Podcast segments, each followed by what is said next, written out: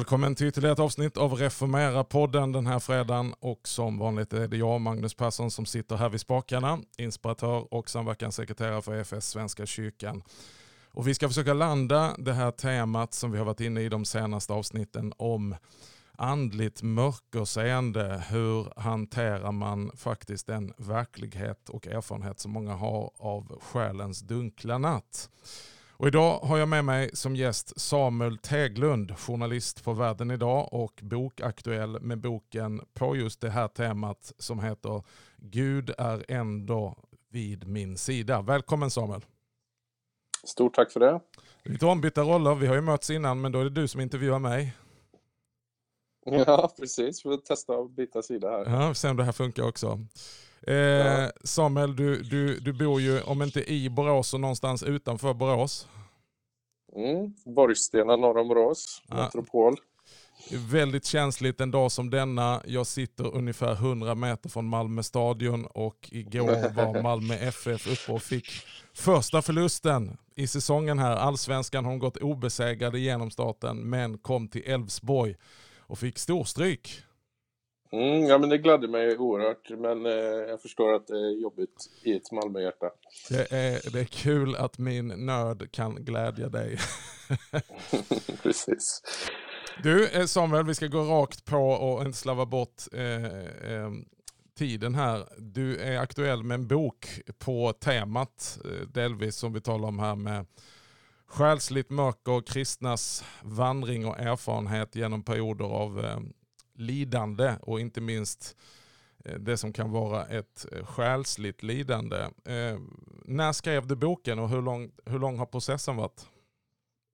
Alltså det har varit ganska många år som jag har pillat på olika texter på det här temat. Eh, och sen när jag själv då gick in i en period av eh, ja, jag var sjukskriven från och till runt ett antal år egentligen och både innan, under och efter den perioden så har väl de här texterna tagit formen framförallt under och efter då.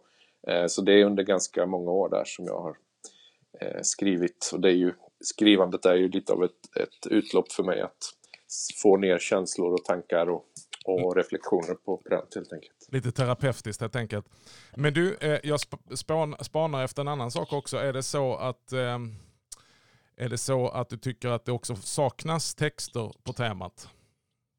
Ja, eh, precis. Det är ju fler och fler som pratar om det här nu i, i kyrkligheten så att säga. Men jag skulle väl säga att eh, det jag saknade själv lite grann var väl eh, texter som på något sätt eh, både bejakade nöden eh, och också tron på att Gud verkar i, i nöden på något sätt. Alltså båda de här sidorna som där, där man så att säga accepterar det svåra och inte väjer för det svåra men samtidigt då öppnar upp ett fönster mot Gud och, och att han kan gripa in eh, på olika sätt i, i de här perioderna. Då. Så det, det var... Mm. Det är lite det både, mm. och perspektivet vi spanar lite efter i de här avsnitten. Att å ena sidan inte eh, förhärliga mörkret och bara liksom göra någon sorts djupdykning ner i det mörka och svarta. Eh, och inte å andra sidan bara betona segern och det är bara tro bort, be bort och, och liksom vandra i någon sorts seger. Utan att kunna hålla ihop de här två tankarna samtidigt. Eh, mm. Men du, vad är din, om vi, om vi börjar då. Eh, titeln på din bok det är Gud är ändå vid min sida. Det låter lite psalm 23. Ja, det är väl det också. Det, mm det är väl ungefär det som jag upptäckte. Jag tar ju spjärn lite grann emot olika bibliska karaktärer och berättelser, bland annat då Jakob, stamfadern Jakob eh, och hans flykt från eh, sitt hem och sin familj när han då hade lurat till sig den här välsignelsen som det står om i Första Mosebok. Och eh, så befinner han sig i en öken och får lägger sig ner för att sova och så drömmer han och, och, drömmer att det är änglar på den här platsen där han är. Och när han vaknar så säger han en sak då som har levt kvar lite grann i mig och det är att eh, Gud är verkligen på den här platsen och jag visste mm. inte det. Mm. Alltså där i den där öknen så fanns Gud och han hade inte ens tänkt den tanken så vilse och svag och utlämnad som han kände sig. Eh, och den, eh, den där liksom, man säga, uppenbarelsen som han hade där är väl en som jag eh, vill tro att jag också eh, erfor, även om det inte var så att säga känslomässiga gudsmöten och så, så, så kunde jag ändå känna i alla de här eh, åren som det var och som jag delvis fortfarande lever lite grann i sviten av, att Gud faktiskt ändå var på den platsen också där, som det står i en annan psaltarpsalm, så, så var Gud närvarande. Precis. Och det är väldigt trösterikt bara du säger det och jag tror att det är många som behöver höra det. Att eh, kan man bara förankras i den vetskapen så att man inte börjar dribbla bort sig. För det är ju väldigt lätt att vårt kristna sinne går, går åt det hållet att man tänker att nu är det någonting som är fel. Antingen har jag gjort något mm. fel eller så är jag jag är övergiven av Gud på grund av någonting. Är det synd? Är det någonting som har obehagat honom? För att man kanske lever i någon sorts grundteologi och man behöver inte vara del av någon speciell tradition inom kristenhet utan jag tror det är ganska jämnt fördelat över hela bredden. Att det är precis som att motgångar och inte minst då på ett personligt plan lidande, mörker i själen, det är lite grann som att Gud har dragit bort sin välsignelse och ja, det är någon sorts eh, Eh, straff som vilar över mig. Mm, Men att då få göra den insikten som Jakob att även här eh, på denna platsen och, och, och, ja, det som det står i psalm 139 att även om jag bäddar mm. åt mig i dödsriket så är du också där. Mm, precis. Jag tror att det är en jättestor eh, nyckel och i min tradition då som, som ju är liksom trosrörelsen och pink, där har ju kanske ofta känslorna stått eh, lite grann i fokus för gudsmötet. Eller i alla fall delvis så. Och, och där kände jag att det blev en resa också för mig att, att förstå att Gud är, eh, ja, Gud är i sitt ord, i Bibeln och Gud är närvarande på andra sätt än genom mina känslor. För när jag är i stress eller i ångest så, så kan jag liksom inte lita på mina känslor och jag kan inte riktigt liksom möta Gud på det sättet om jag skulle uttrycka mig så, utan jag behöver, behöver öppna upp för att Gud är större än mina känslor och kan, kan också möta mig på andra sätt.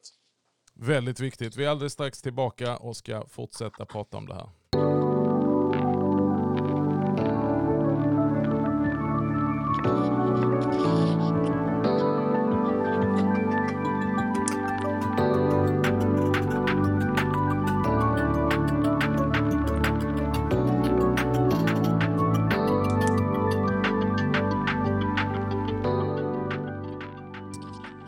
I dagens avsnitt talar jag alltså med Samuel Teglund, eh, journalist på Världen Idag. Samuel, du har under många år skrivit eh, artiklar och texter och reportage om vad Gud gör, om stora segrar för Guds rike och annat. Härligt. Eh, men nu är du aktuell med en bok som är eh, personlig på det viset att den är självutlämnande utifrån en egen kamp du, du har gått igenom och går igenom om ja, det är ett stort ord, men det här med psykisk ohälsa och själens mörker.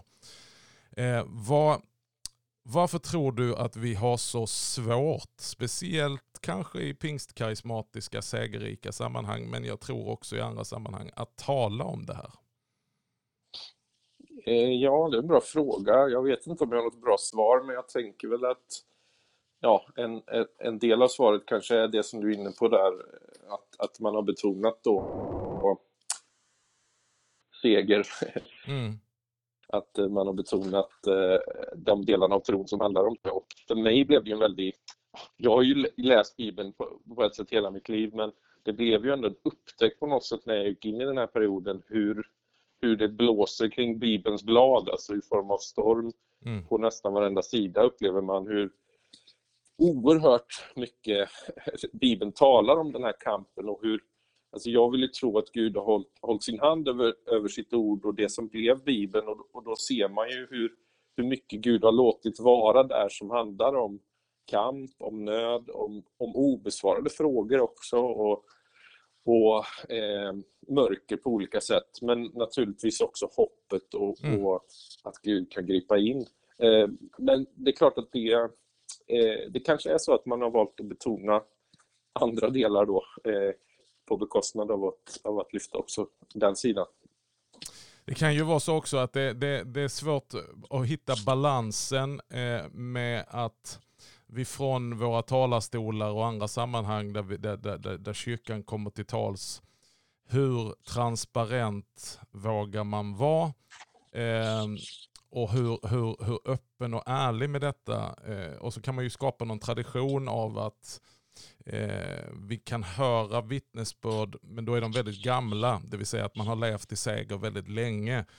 Eh, men, mm. men så är ju inte riktigt Bibeln. Och där, där är det ett skav i mig och som förkunnare själv så vet jag inte, jag håller på att jobba också med det här att vad är för mycket och vad är för lite. Men Bibeln är ju väldigt eh, osensurerad på det viset. Jag tänker om vi skulle få en teologi som ännu mer präglades av saltasalmerna.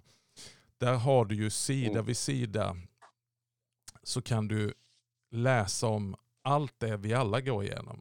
Djupaste nöd, ångest, rop i vanmakt såväl som jubel som inte vet av några gränser. Där är tro på Gud som håller allting i sin hand han tronar över allt och alla. Vad han säger så blir det. Och sen så och, och, och Jesus tar ju till saltasalmen i sin mörkaste stund så citerar han saltaren där han känner Min Gud, min Gud, varför har du övergivit mig? Det är mm, lite precis. av en sån teologi. Jag tänker att vi lä... Ja, förlåt. Nej, men det är en liten sån teologi som vi skulle behöva återerövra. Men förlåt, nu avbröt jag dig. Vad tänkte du säga Samuel? Nej, men jag tänkte precis på det du är inne på med vi läser ju Bibeln med facit liksom. Och det är ju på ett sätt oundvikligt för vi vet hur det går för Jakob och för Gideon och för Jesus själv sen så att säga efter Getsemane och, och Golgata. Men, men eh, vi har ju en tendens kanske att läsa Bibeln med facit. Mm. Eh, och då vet vi, ja men det gick ju bra sen eller det, det löste sig sen liksom. Eh, men där och då får man ju försöka tänka in att, som Jakob då i, som jag relaterar mycket till, eh, han, han, vet ju inte där i öknen så att säga vad som ska hända och, och, och hur saker ska bli. Så att, ja, jag tänker att det handlar lite grann också om att försöka läsa bort facit ur Bibeln och, och, och läsa in i nuet som, som de här bibliska karaktärerna befinner sig i.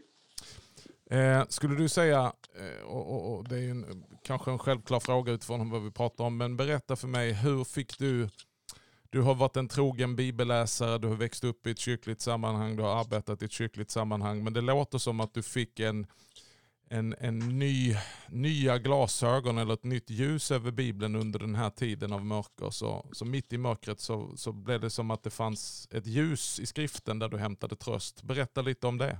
Mm. Ja, men framförallt skulle jag säga i, i relation till de några bibliska karaktärer då, som jag nämnt här redan, så blev det väldigt starkt hur, hur naket och eh, ja, men öppet de, de liksom delger sin nöd och sin ångest och sin vandring och, och, och, sitt mörker som, som du är inne på. Mm. Och jag skulle säga att eh, jag menar, bara en sån, sånt möte som Gideon när han, när han möter den här ängeln då eh, när han har grävt ner sig i en grop eh, och bara egentligen försöker överleva dagen. Mm. Och så kommer den här ängeln och säger Herren är med dig, du tappre stridsman.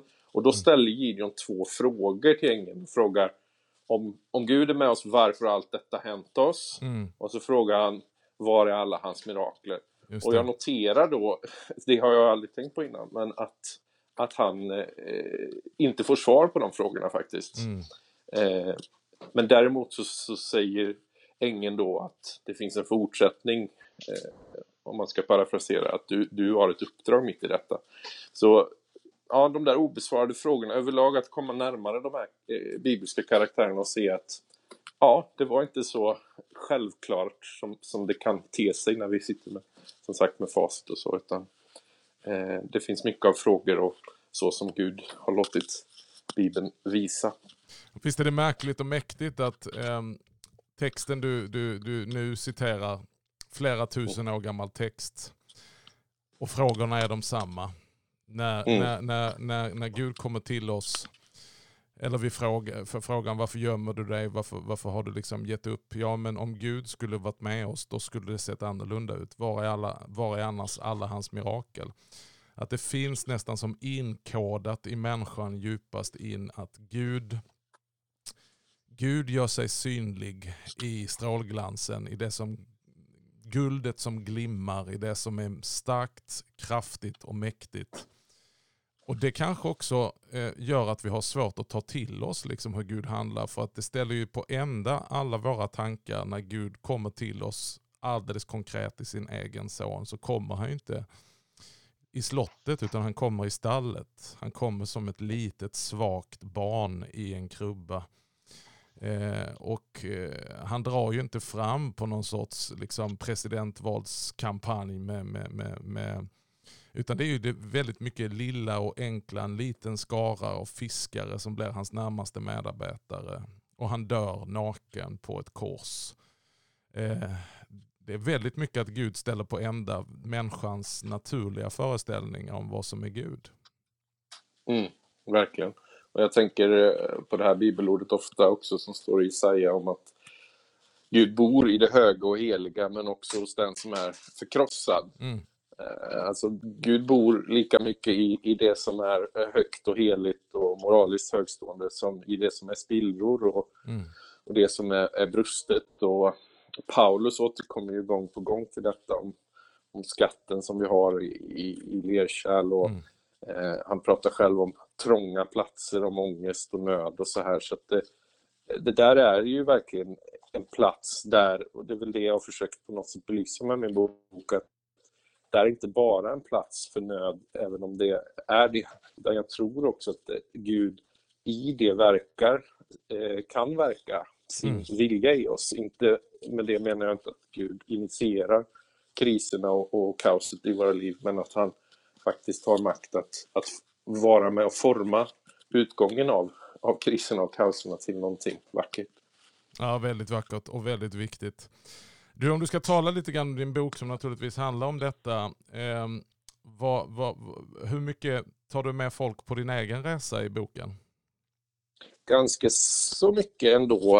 Eh, jag försöker berätta lite grann om eh, Ja, inte kanske så mycket om varför, för det vet jag inte själv riktigt. Mm. Eh, varför man, och det väl, kan väl i och för sig vara en viktig notering för många att eh, det, det, är inte alltid givet varför man drabbas av, av själslig ohälsa. Det, det kan ju bero på alla möjliga olika saker och mm. det är inte riktigt mitt ärende. Men däremot eh, om processen, eh, svårigheterna som kom med att vara arbetslös, eller inte arbetslös men att vara sjukskriven mm. heter det. Mm. Och, eh, och att med det också förlora mycket pengar ekonomiskt och och att överlag liksom få kämpa med vardagen och, och allt vad det innebar. Jag har ju två barn och mm.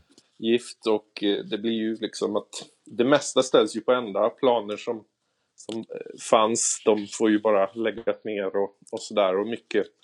Så, så det handlar ju lite grann om, om vad händer när, när liksom livet ställs lite upp och ner och, och vad gör jag då? Vem är Gud då och där? Liksom.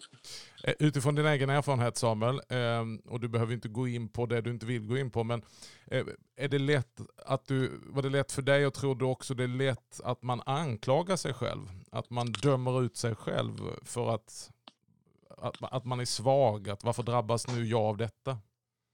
Mm. Jo men det finns absolut en sån, ett sånt moment eh, som, som jag också har, alltså eh, skuld och skam och, och det, det, apropå det du nämnde innan, varför har vi så svårt att prata om det här i kyrkan, så tror jag väl att det kan finnas, ibland har funnits lite grann att man jämställer ungefär att bli utbränd eller att må dåligt psykiskt med att, med att synda ungefär. Och det mm. tror jag är helt, ett helt felaktigt sätt. För jag skulle snarare likna det vid att man precis som man som kristen kan bli fysiskt sjuk så kan man bli psykiskt sjuk och det mm. Ligger liksom ingen, ingen, ingen straff i det utan det, det har ju med, med, kan ju ha med många olika saker att göra men absolut, och det, det är ju viktigt, det är ju en, ett av ärendena med boken också kanske att lyfta på det där för att när jag nu får respons på boken så är det ju, ja i stort sett alla säger ja men min min fru eller min man eller mina barn eller den eller den. Alla har ju någon, om man inte själv är drabbad så har alla någon i sin ja. som är drabbad av detta och som är troende och som som ändå vittnar om att det här skulle vi behöva lyfta ännu mer i, i våra församlingar. Ja, men jag kan bara understryka det. Eh, och eh, vikten av att tala med, jag tror du gör en väldig välgärning eh, och det kostar på naturligtvis. Eh, men det, det, det, det gör väl ehm, så fort jag har delat mina olika perioder och, och nu märker jag bara med de programmen vi har haft så ger det en otrolig respons utifrån detta, precis som du säger, ja, de flesta människor, för de, för de flesta kristna människor är det här absolut ingenting nytt. Utan det är någonting man har antingen i sin absoluta närhet eller som man kämpar med eller har kämpat med själv. Men man känner sig så ensam för det är ingen som ger eller har gett i alla fall bakåt i tiden det här riktiga utrymmet och tala på ett sätt så att man ta det på allvar och inte bara liksom eh, förringa det, men också lite grann avdramatisera det. Det är dramatiskt att ha ångest. Eh, det, det är ingenting som man önskar sin värsta fiende, men att kunna förankra människor, dels i den bibliska historien och dels i våra egna historier. Att, att det, det, det, det, det finns en väg igenom denna dödsskuggans dal. Och dödsskuggans dal behöver inte vara förgäves. Det är inte en paus där fem, tio år av ditt liv försvinner till ingen nytta. Utan med dig ut ur den dalen, ut ur grottan kan man säga, så har du med dig guld som kanske inte till en början märks men, men, men, men som man lär sig att upptäcka efterhand att, att Gud var verksam där och gjorde någonting. Är det din erfarenhet Samuel? Mm, verkligen. Och jag tänker ju, jag skriver bland annat om det, om man tar en sån klassisk bibelberättelse som den om Josef i Gamla Testamentet när han eh, allt som han går igenom då han kastas i en brunn av sina bröder och han blir slav och han hamnar i fängelse och det, det, känns liksom som år av hans liv är totalt bortkastade och ologiska och, och Gud är liksom fjärran. Och sen när han, Gud liksom lyfter upp honom så får han ju den här maktpositionen som en av de mäktigaste i, i Egypten. Och då kan man ju så tydligt se hur hela den här processen där han har lärt sig olika saker i sitt lidande så att säga, mm. eh, hur det blir till sån enorm nytta sen. Mm. Och, och, med det, det handlar inte om att romantisera eller idealisera lidandet, naturligtvis inte, men, men jag tror verkligen att Gud kan använda våra dalar och våra, eh, ja, det vi går igenom av, av svårigheter och mörker för att, för att faktiskt lägga till saker i våra liv. Det är, det, det är lite fascinerande med Josef, för han, han är ju drömmaren mm. när, han liksom, när allt börjar. Och i slutändan så är han liksom administratören, den här superpraktiken som mm. strukturerar upp ett helt land. Det är ganska fascinerande att se hur Gud liksom i allt mörker han går igenom lagt till och liksom, eh, ja, gjort honom redo för, för nästa kapitel. Eh, ja, så jag tror verkligen det som du säger att Gud kan eh, inte att Gud initierar eller att man ska romantisera lidandet, men att Gud faktiskt kan eh, i all vår brustenhet, när vi håller fast vid honom, ändå lägga till saker i, i våra svårigheter och göra någonting gott av det onda, så att säga. Ja, verkligen. Och viktigt perspektiv, Samuel. Viktigt perspektiv. Och för mig är det nästan så här så att det är mer ett mönster om vi tittar på alla Bibelns gestalter från första bladet till sista. Så är det ju mer ett mönster att de får gå igenom mycket mörker, kamp, lidande. Eh, och för vissa så, så, så ser vi, vi kan inte ens se vändningen. Liksom. Men, men från Guds perspektiv så, så är det annorlunda. Men vi, vi skulle kunna tala om, om, om alla de stora, Mose, liksom först eländet i Egypten, sen 40 år i tystnad i öknen. Där kan man ju tala om verkligen mm. ökenvandring. Eh, mm. Ja, och så skulle vi kunna fortsätta och, och, och, och David i sina salta och så vidare. Men du, vi ska gå tillbaka till din bok Samuel. Vad, vad gav dig tröst? Vad var ditt ljus i mörkret? Eh, när du brottades med ångest, när du brottades med denna själiska ohälsa. Eh, vad var trösten? Vad hjälpte dig att hålla dig uppe? Ja. Bra fråga och jag skulle säga att jag minns att jag skrev en liten dikt för mig själv när jag gick igenom eh, en svår period och det var Vad finns bakom hoppet minns jag att jag skrev. Mm.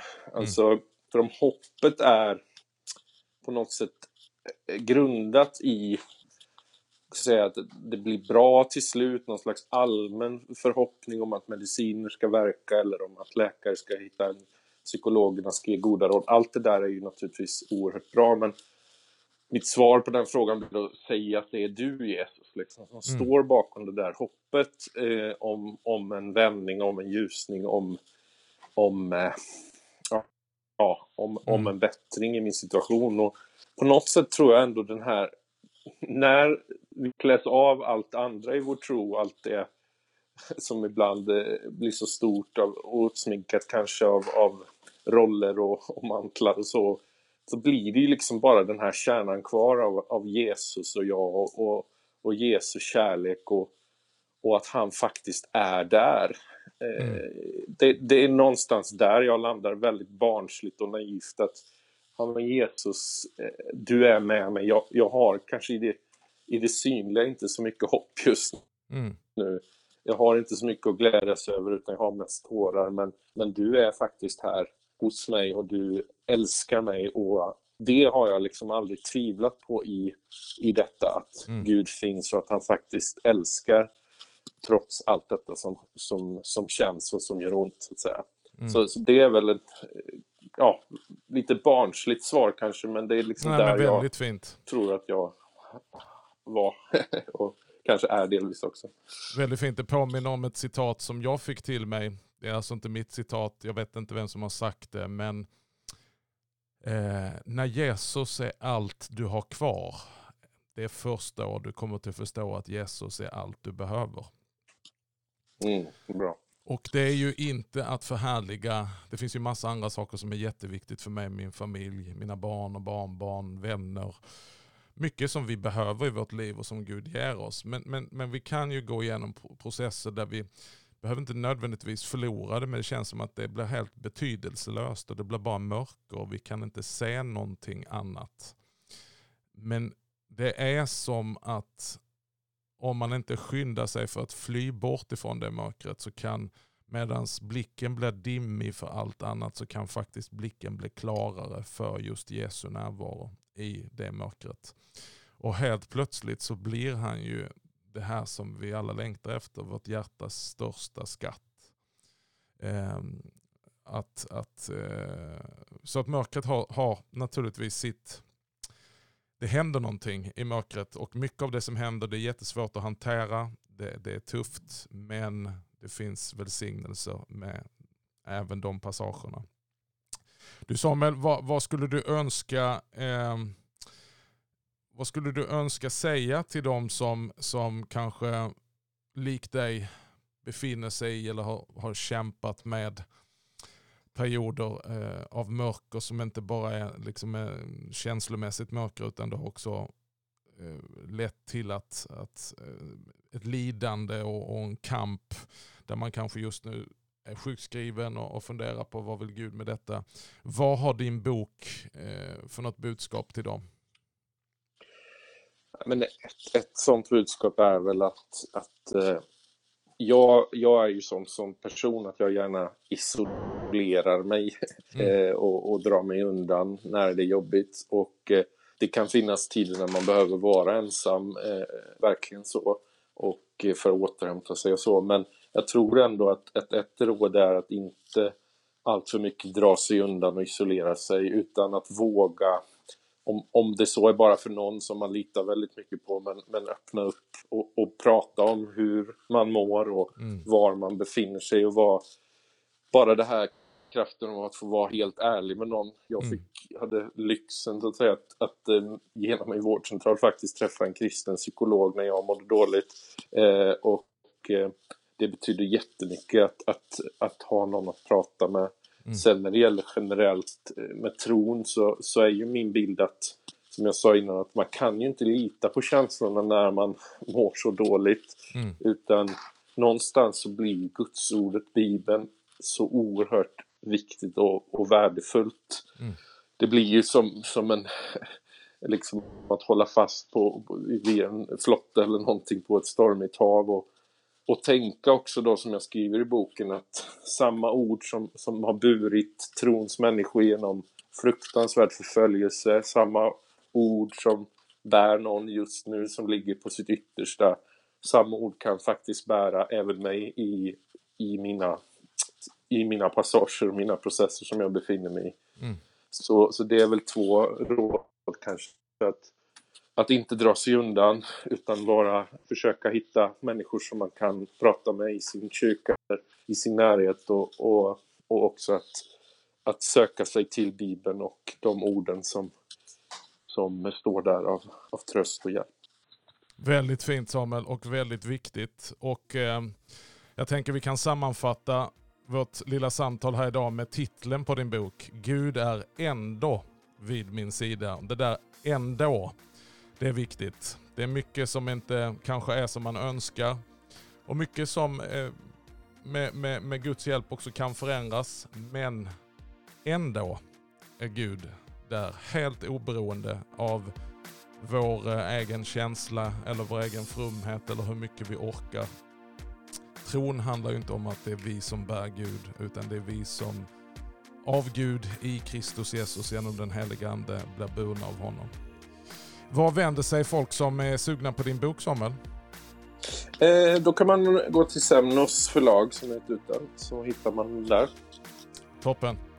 Du, tack Samuel. Tack för att du har skrivit boken. Tack för att du tog upp ämnet och tack för att du ville vara med i Reformera-podden. Tack för att jag fick komma. Gud välsigne dig och Gud välsigne er som har lyssnat på ytterligare ett avsnitt av Reformera-podden. Jag hoppas vi ses även nästa fredag.